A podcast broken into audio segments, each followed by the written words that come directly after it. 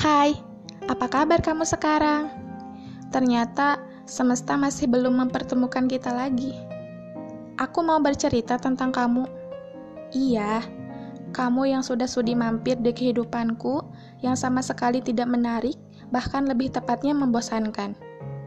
Kamu yang telah berhasil membuatku jatuh. Jatuh ke dalam duniamu sekaligus jatuh ke dalam luka.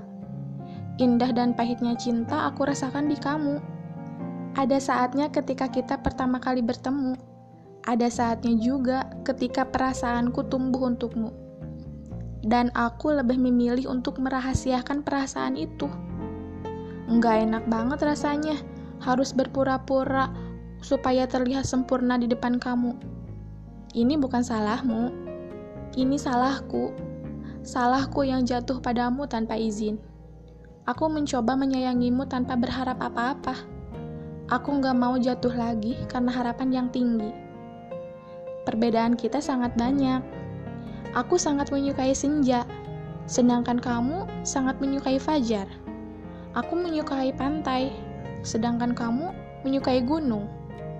Aku sangat benci sama sejarah, tapi justru sejarah adalah favoritmu. Apalagi kalau kita berdebat tentang film apa yang akan ditonton durasi perdebatan kita lebih lama daripada durasi film itu sendiri. Aku suka tentang fiksi dan roman tentunya. Tapi menurutmu, fiksi itu kebohongan karena tidak benar-benar nyata. Kukira awalnya perbedaan akan membuat hubungan ini memiliki cerita yang indah dan menarik, tapi ternyata aku salah. Rasa sakit yang pernah menjadi isi duniaku, sakit karena tidak pernah mampu menggapaimu walaupun kau selalu berada di dekatku. Maaf, maaf ternyata aku terlalu egois. Maaf, aku terlalu banyak menuntut. Maaf juga, aku selalu gagal mempertahankan hubungan yang seharusnya baik-baik saja, meskipun tanpa arah. Bukannya aku tak pernah berupaya untuk tahu diri, bukannya aku tak pernah berupaya untuk tidak menginginkan lebih.